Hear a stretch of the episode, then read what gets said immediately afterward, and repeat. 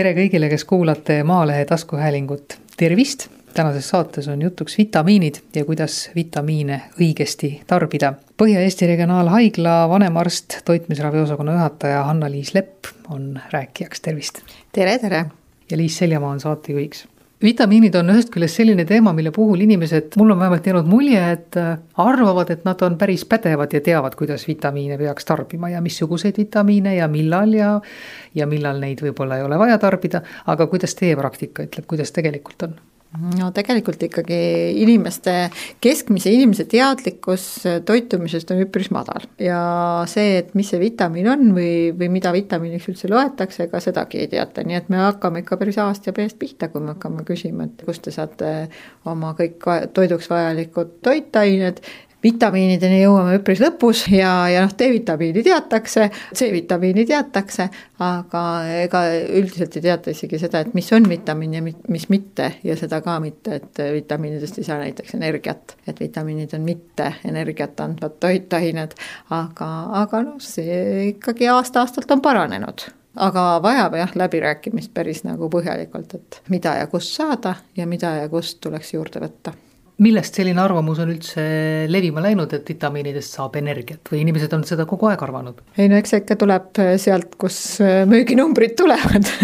et eks siuksed eksitavad sõnumid meediast, mitte nüüd ma ütlen ajakirjanikelt, aga reklaamiturult ehk et siis, äh, kui sa tunned ennast väsinuna või sa vajad energiat, siis võta üht või teist vitamiini. et noh, see on see, mis on eksitav, selles mõttes ka, et tõepoolest, et mõni vitamiini defitsiit võib ikkagi sellist energiakasutuse probleemi tekitada. ja tõepoolest, kui ma teen äh, vitamiinikuuri, see võib ollagi vajalik ühel või teisel puhul ja ma võingi tunda ennast siis nagu energilisemalt ja jõulisemalt, aga tegelikult vitamiinid ise energiat ei anna, et nad on mikrotoitained ja energia energiaks neid ei kasutata, küll aga on nad vajalikud selleks, et energiat saaks kasutada organismis. no kui me sellest pihta hakkame, et inimese enda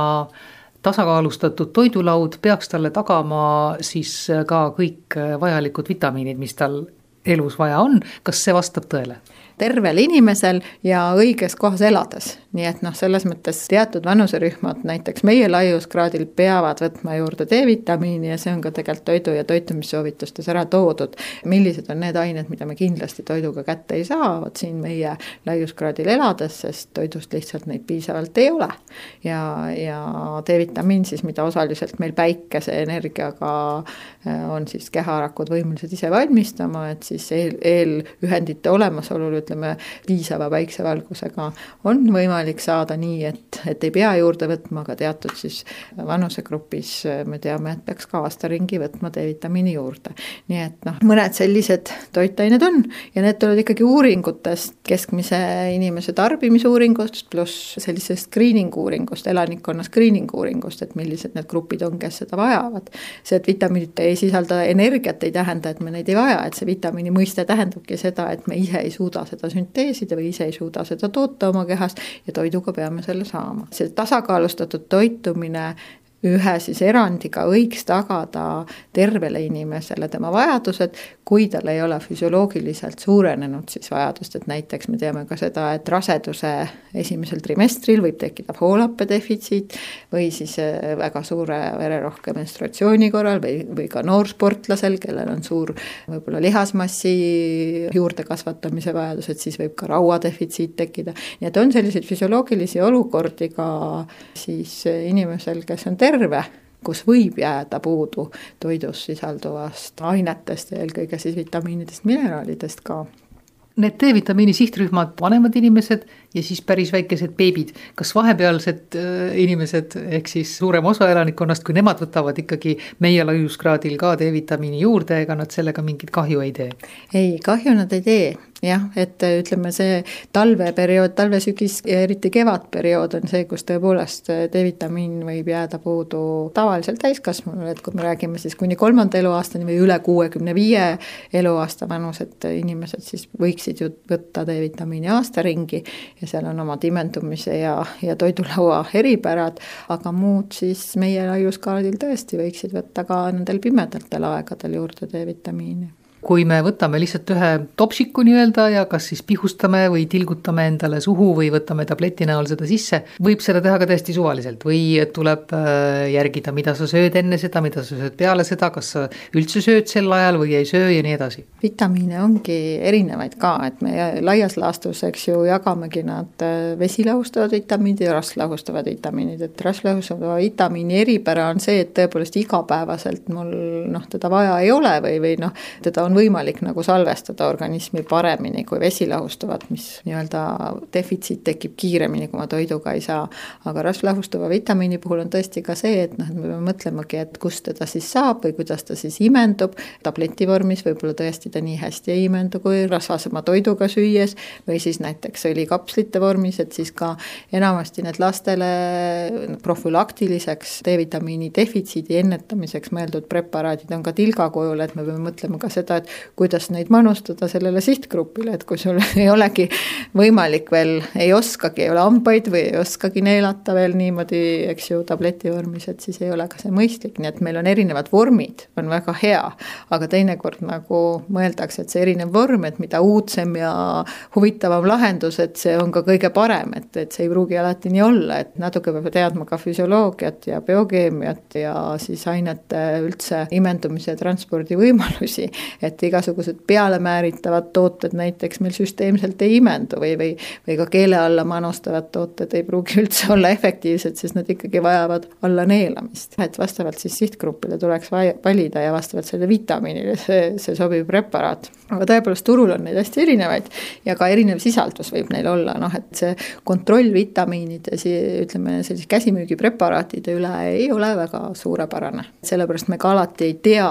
et üks või teine toode on, väga sisaldab täpselt seda kogust ja seda vormi, mida seal peal on kirjutatud. ja ka see toote kirjeldus võib-olla natukene eksitab. et D-vitamiini puhul võib-olla nii palju neid versioone ei ole, et kui me räägime, millised on erinevad vormid erinevatel ühenditel, et et ka siin võib tekkida segadus, et üks imendub paremini, teine imendub kehvemini, kes siis nagu väga teadlik ei ole, siis ikka tahetakse müüa ju oma toodet, et siis panen sinna väga uhked reklaamid peale ja lähebki paremini kaubaks et see, kui sa äh, tõesti pihustad endale noh, keele alla näiteks, et see ei tähenda seda, et imendub paremini. ja see ei tähenda, et ta keele alt imendub, sa pead ta ikka alla neelama, aga võib-olla ta on lihtsalt vastuvõetavam sulle tarbimiseks, et jällegi, et kuidas kellelegi see sobib. ja noh, vot ongi, et, et D-vitamiin on iseenesest see ühend, mis seal D-vitamiinina on kas D3 või D2 vitamiin, enamasti me räägime D3 vitamiinist, seal on ka mingi kandurõli, et noh, ühele võib-olla ei sobi üks õli, teisele teine, et ka siin võib olla hoopis hoopis, et noh, vot mulle ei sobinud üks preparaat sellepärast, et mulle ei,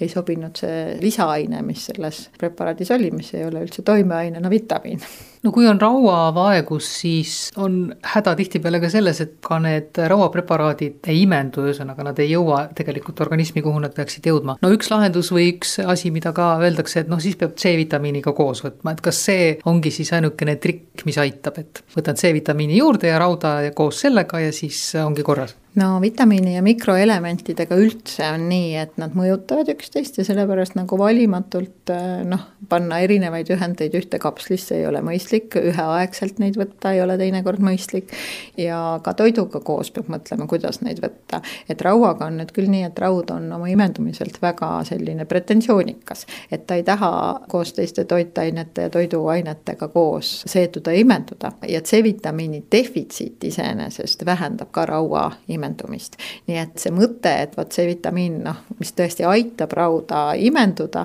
et panna nad kokku ühte kapslisse ja anda koos, on iseenesest nagu jällegi sihuke uuenduslik ja hea mõte, samas C-vitamiini lisamine rauale võib muuta ka raua ühendi toksilisemaks meie organismile. et raud noh, võib tekitada väga kergelt selliseid vabu ühendeid, mis on omakorda seedetrakti rakkudele kahjulikud ja, ja C-vitamiin sealjuures seda potentseerib või seda kutsub esile. nii et üldiselt on äh, selline arstlik soovitus ja meditsiiniline soovitus võtta ikkagi rauda eraldi kõikidest teistest preparaatidest ja samal ajal jälgida, et oleks toidus piisavalt ka neid ühendeid, mis seda imendumist soodustavad. ja, ja kindlasti võtta seda rauda ka just nimelt eraldi toidust. et toidus sisaldav siis valk või muud ühendid ei, ei takistaks seda imendumist. nii et meie põhiline soovitus, kui inimesel noh, rauapreparaati on ta hakanud tarvitama ja me näeme, et see ei ole olnud efektiivne, ongi see, et kuidas sa seda võtad, kas sa võtad seda söögi ajal, peale sööki, et, et ta vähemalt pool tundi ennem sööki võtaks seda raua preparaadi ära ja mitte koos teiste ravimitega, näiteks happe inhibeerimise ravimid või muud ravimid, mida enamasti meil siin nii-öelda terveid inimesi ei käi, et ikka mingid ravimid ja muud on juures. ja C-vitamiini võiks siis võtta muul ajal juurde, kui on kahtlus, et C-vitamiinist on defitsiit. aga võib ka asendada selle täiesti näiteks klaasi apelsinimahlaga on teie kogemuse järgi ka mingid sellised, kuidas ma ütlen siis, populaarsemad ained, mida inimesed ka armastavad juurde võtta, noh, peast nimetades näiteks võiks öelda magneesium või, või tsink või ma võiksin võtta terve ühe apteegiriiuli ja kõik need ained ette lugeda, mis seal nii-öelda purgikeste peal on. on mingid asjad, mis on nagu populaarsemad või millega inimesed tulevad ja ütlevad, et oi, aga ma võtan seda ja teist ja sellist asja veel juurde ma arvan, et see C-vitamiin ongi kõige populaarsem, mida võetakse, et kui meil siin noh, patsientidega räägime, siis, siis enamasti me seda kõigil käest ka küsime, et mida te võtate, et C-vitamiin on üldiselt selline vastus, mida võetakse suhteliselt palju. ja ma ei arva, et enamus, kes neid võtab, et nad vajaksid just nimelt C-vitamiini preparaati juurde. aga ju sellel C-vitamiinil jällegi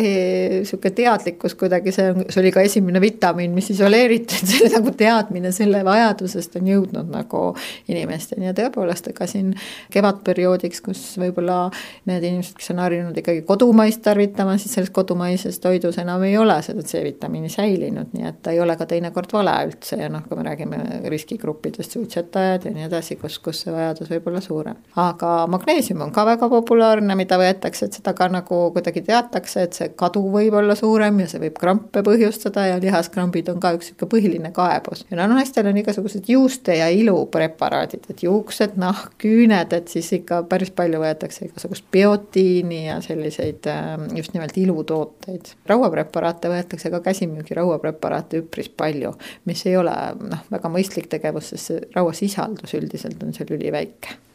tegelikult me ilma arsti nõuandeta soovitame võtta seda D-vitamiini ja kui me noh, ikkagi üllatavalt palju inimesi ei tea, et nad peaksid seda võtma. siin ongi nagu kaks poolt, et C-vitamiini võetakse üpris lahkelt ja D-vitamiini ütleme, terviseteadlikumad inimesed võtavad, aga need, kes väga peaks võtma, need sageli ei võta. jah, selline nagu trend on, et ikkagi mingit toidulisandit võetakse, aga see ei pruugi olla just see õige, mida peaks võtma no kui me sellest seisukohast lähtume, et hea küll, mis äh, inimesele kahju ei saa otseselt teha, et noh, las ta siis võtab. aga samamoodi ka kõikide vitamiinide puhul ja kõikide ainete puhul ei ole päris nii ka, et see, mis üleliia, et see kuidagi lihtsalt tuleb välja või kaob ära, eks ole, et on ka mingisuguseid aineid, mida liiga palju võttes teeb inimene endale kahju. ega iga ainega on nii, et toit on väikse terapeutilise vahemikuga ravim me tavatseme seda ütelda siin, et see tähendab seda, et liiga palju toitu on halb ja liiga vähe toitu on halb ja täpselt samamoodi on tegelikult vitamiinidega, et nad on ju keemilised ühendid. et noh, meil ka siin sageli patsiendid ütlevad, ei mina mingit keemiat ei taha võtta, aga noh, toit on ka keemia, et täpselt samamoodi me saame neid samu vitamiine, lihtsalt me saame neid nagu sobivas koostises, sobivates kompleksides toidust kätte, eks ju, ja kui me näeme, et toidus ei ole piisavalt mingil põhjusel, näiteks inimene on kas tahtlikult loobunud mingisugusest toidugrupist või tal ei ole võimalik süüa mingeid teatud toiduaineid, mis võib-olla on nagu noh, põhjustavad tal seedevaevuseid või, või ütleme, on seal mingisugune muu haiguslik põhjus. või me näeme, et tõesti see füsioloogiline seisund on selline, et lihtsalt ei jaksa nii palju süüa, kui oleks vaja ühte või teist. et siis, siis on mõistlik võtta konkreetset preparaati juurde ja teatud vahemikus, et kunagi ei ole nii, et me ütleme, et ah, võtke ükskõik millist, võtke ükskõik kui palju. et seesama C-vitamiin, mis on nagu suhteliselt selline kahjutu, nii-öelda ohutu ja üldse vesi lahustavad vitamiinid, mis tulevad nii-öelda uriiniga välja liigses koguses, siis lõppkokkuvõttes ta ikkagi hakkab kurnama seda organismi, et näiteks seesama C-vitamiini puhul, kui me räägime ka kaltsiumi võtmisest koos C-vitamiiniga või, või ütleme seal veel mingeid ühendeid ja inimesel on soodustatud tekkida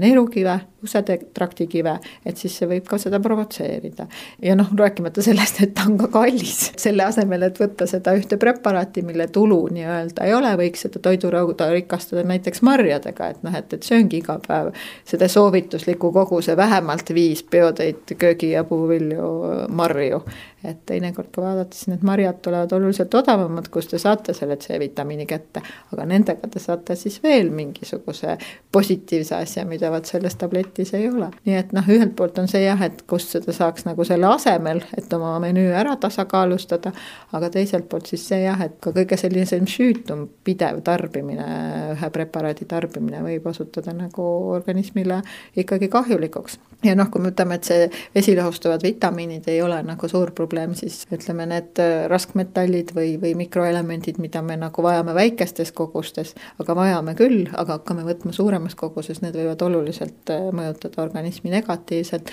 Ja rasvlõhustavad vitamiinid samamoodi. Või kui on juba mingi haiguse ilming või haigus lausa diagnoositud, et äh, ka ravimitega koostoimes me räägime siin ikkagi suuri doose, mis võivad ravimeid mõjutama hakata no aga kasvõi sellesama D-vitamiiniga ka, et kui inimene tarbib noh, ütleme siis sellel tarveperioodil kas või, aga ikkagi pika aja vältel noh, näiteks neli korda rohkem iga päev D-vitamiini, kui tal tegelikult tarvis on, see avaldab oma mõju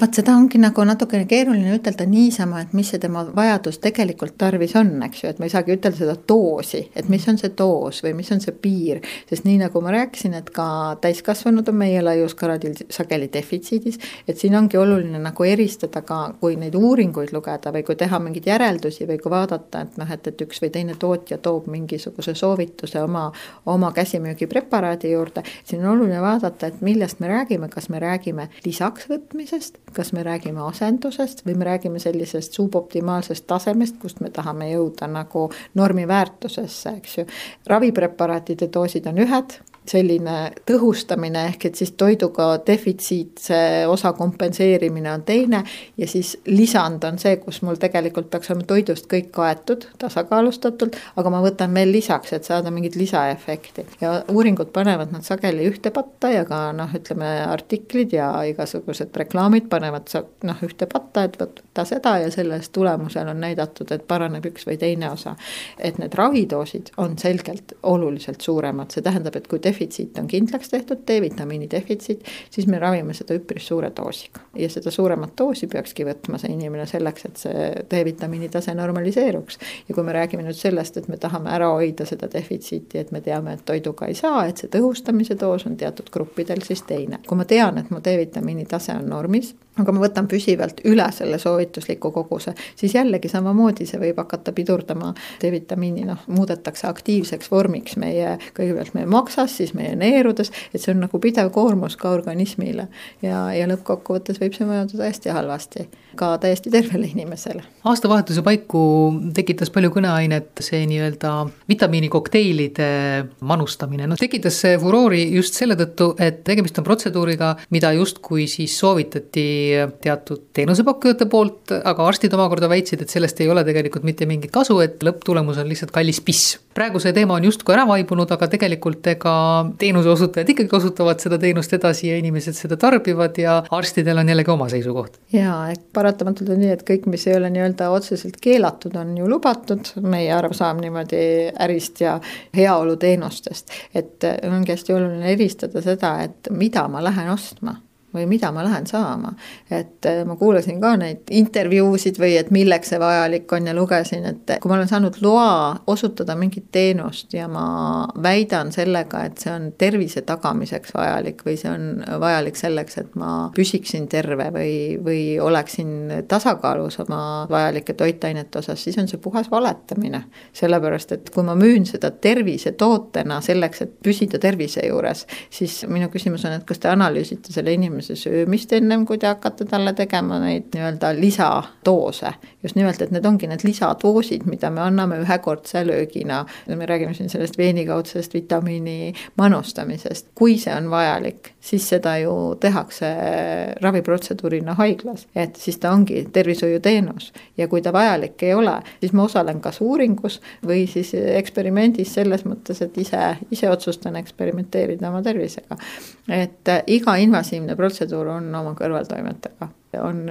veeni punkteerimisega seotud tüsistused, on manustamise kiirusega seotud tüsistused ja need on, ütleme, sellised noh, ühekordsed riskid. aga kui me räägime nagu näiteks raua manustamisest veeni kaudu või intramuskulaarsetest või lihasesisestest manustamisest, et siis jällegi, et tutvumata nagu nende näidustuste ja vastunäidustustega, mis ongi meditsiini noh, töö, hinnata seda näidustust ja vastunäidustust, et siis me võime teha päris kurja oma tervisele. sellepärast minu jaoks jääb nagu arusaamatuks, kas need asutused on saanud tegevusloa ja kuidas nad selle said, et manustada veini kaudu erinevaid aineid siis inimestele. et noh, mis oli nagu kummastav, oligi see, et kui ma reklaamin oma toodet, et see on mõeldud enda tervisest lugupidavale inimesele ja oma tervise säilitamiseks, aga, aga alustan seda juttu sellega, et kui sa oled ikkagi kõvasti napsu võtnud et siis on see väga hea teenus, et siis ei ole see sihtgrupp ju enda tervisest lugupidavale inimesele või tervise säilitamiseks vajalik. tervist me säilitaks ikka sellega, kui me seda kõvasti napsu ei võtaks, eks. ehk et siis tõepoolest jaa, me teame, me näeme seda, kuidas alkoholi liia, liialdamisega on B-vitamiine vaja, kuidas magneesiumit on vaja, kaaliumit on vaja selleks, et üldse noh, normaalselt inimene toimiks uuesti. aga lahendus ei ole sellest, et me hakkame seda veini kaudu endale pärast üle kandma jah, inimene võib võtta selle koguse vitamiine rohkem, aga jällegi, et ka siin ei ole mingit tõestust sellele, et ta veenikaudse manustamisega saaks seda efektiivsemalt, et siis tuleks seda nii-öelda tarbida esiteks mõõdukalt ja teiseks täpselt samamoodi võib seda ju siis võtta ka tabletina, eks ju, kodus, et, et mitte teha selleks veenikaudseid invasiivseid protseduure. Ja see ei ole ka selles mõttes pikaajaline jätkusuutlik lahendus, et õigem variant on äh, oma toitumisharjumusi selliselt kujundada, et seda ei oleks üldse vaja. ja noh, olgem ausad, eelkõige on see ikkagi äri. noh, loomulikult on see äri, et see ongi puhas äri et seda ma tahangi ütelda, et üks on tervishoiuteenus ja teine on äri, et ma võin ju teile müüa ükskõik mida ja kirjutada sinna juurde väga ilusad laused, aga see ongi Terviseameti ja, ja Tarbijakaitseameti ülesanne ütelda, et kas need väited, mis seal nii-öelda tervist puudutavad, kas need on tõesed või ei ole. Et me teame seda, et intravenoossed vitamiiniravid ei aita teid väsimuse ärahoidmiseks, depressiooni ärahoidmiseks, kaalu langetamiseks ja nii edasi ja nii edasi, et teil võib olla tõesti vaja vitamiini asendust teatud olukordades, aga ühekordne veenisisene manustamine või ka noh, valimatute preparaati kombinatsioonide manustamine seda kindlasti ei aita parandada inimesed on jäetud selles küsimuses tegelikult üsna oma pead ja valik on väga suur, nagu öeldud, riiul on äh, väga pikk. inimene siis tihtipeale kas arvab, et ta saab ise enda tarkusest mingisuguse lahenduse oma probleemile leida või siis usaldab valesid inimesi noh, inimestel ei ole õigeid nõuandjaid selles osas, ütleme nii, nad ei küsi arstide käest seda tihti. Ega arstidel ei ole ka aega sellist asja selgitada, kui aus olla, selles mõttes, et ja võib-olla ei ole ka teinekord, ei olegi teadmisi ühe või teise aspekti kohta, mis puudutab väga spetsiifilisi mikrotoitainete asendusi. küll aga on noh, üleüldised juhised ju olemas, et mis on tasakaalustatud toitumine, kus erinevaid vitamiine saab, millistele äh, elanikkonnagruppidele või haiguspuhustele seisunditele tuleks nagu vitamiine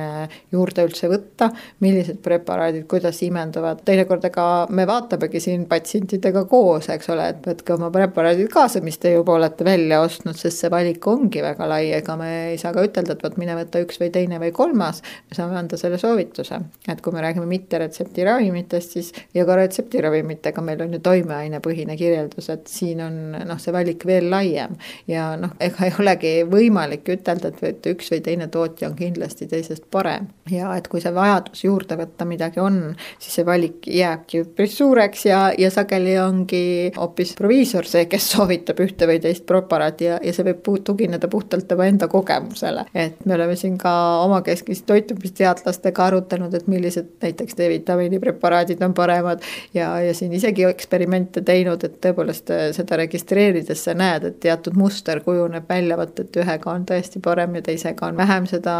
paranemist näha ja siis võib-olla on ka julgem soovitada ühte või teist preparaati. aga tõepoolest, see turg on väga suur, vitamiinide, mitte ainult Eestis, Eestis on ta väga väike, ütleme võrreldes muu maailmaga. ja see on kasvav tööstusharu, et selles mõttes siin ähm, ongi keeruline orienteeruda nendes lisapreparaatides. aga me teame seda, et need inimesed, kes võtavad regulaarselt lisandeid juurde ei ole tegelikult teistest tervemad. tervemad on ikkagi need, kellel on tervislikud eluviisid, kes ei vaja neid lisandeid juurde võtta, eks ju, noh, oma haiguste puhul, kui me räägime juba olemasolevast kaasasündinud või, või mis iganes haigusest, et siis me räägime hoopis teistest asjadest, teinekord tõesti on väga vajalik neid äh, lisandeid juurde võtta ja ka siis on raske orienteeruda. aga igapäevaselt nagu tarvitamise osas seda nõu peaks saama ikkagi sealt, kus see on tõenduspõhisuse järgi hinnatud, et noh, ma ei saa saa ütelda, et kõik meedikud on selle valdkonna spetsialistid, küll aga tasub neilt nõu küsida mõne preparaadi kohta, mis te olete ise ostnud või, või leidnud. et koos üle vaadata, kas see on äh, sobiv, kas see on mõistlik, kas see on vajalik, kas see on ohutu ja ütleme sellist äh,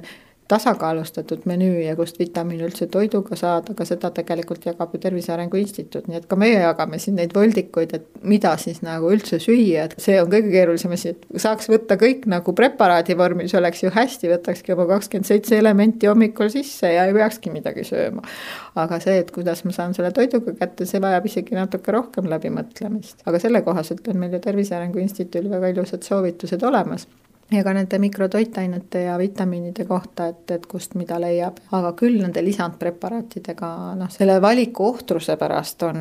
tõesti valida raske. Aga ma julgustan küll ikkagi arutama seda oma arstiga läbi, et me ka oma väikese seltsiga, kliinilise toitmise seltsiga üritame teha neid üritusi ja teavitustööd, et järjest rohkem rääkida nendel teemadel. aitäh, doktor Hanna-Liis Lepp noh, praegu on äh, vist saabumas see aeg kevadel, kui hakatakse kuidagi eriti vitamiinide tähtsusest meil rääkima, nii et igasugused sellised äh, järelemõtlemise osas nõuanded on äh, praegu just õigeaegsed kevad on see aeg, kus tõesti on energiat äh, jäänud meil tavaliselt vähemaks, aga see ei ole enamasti seotud sellega, et teil on vitamiini defitsiit tekkinud, sest meie toidulaud ju täna on üpriski äh, rikas aasta ringi. et meil on võimalik osta erinevaid tooteid aasta ringi, et see ütleme, kunagine võimalus, et äh, sain võtta ainult, mis aiamaalt või põõsa küljes oli, et, et see ju täna nii ei ole. nii et kui teil on kapis marjad, oma, eks ole, külmutatud kasutatud tooted, mida on võimalik kätte saada, et kui need on toidulaual olemas, siis ei ole vaja kevadel võtta juurde midagi peale sellesama D-vitamiini, mida meil tõesti ei ole praeguseks enam kindlasti enamusel jäänud. küll aga päevad lähevad järjest pikemaks, nii et ka sellega on võimalik tegeleda, et kui sa tunned ennast väsinuna, siis mine tee iga päev üks väike tiir õues vaata tõesti üle oma toidulaud, kas sul on olemas seal värsked asjad, miinimum soovituslik viis kuni seitse portsjonit neid samu vitamiiniallikaid ja mitte nii-öelda ära unustada seda, et tegelikult me oleme väsinud sageli just sellest pikast pimedast perioodist ja päike toob välja, siis juba iseenesest tuleb rohkem rõõmu ja, ja energiat juurde, nii et sellist poluvitamiini või vitamiiniteraapia kuuri kevadeti me ei soovita, aga kui sinu toidulaud on väga kehva, sa ei suuda seda parandada, siis päevadoosides vitamiinid üldiselt midagi liiga ei tee, küll aga ei ole vaja neid super-megadoosides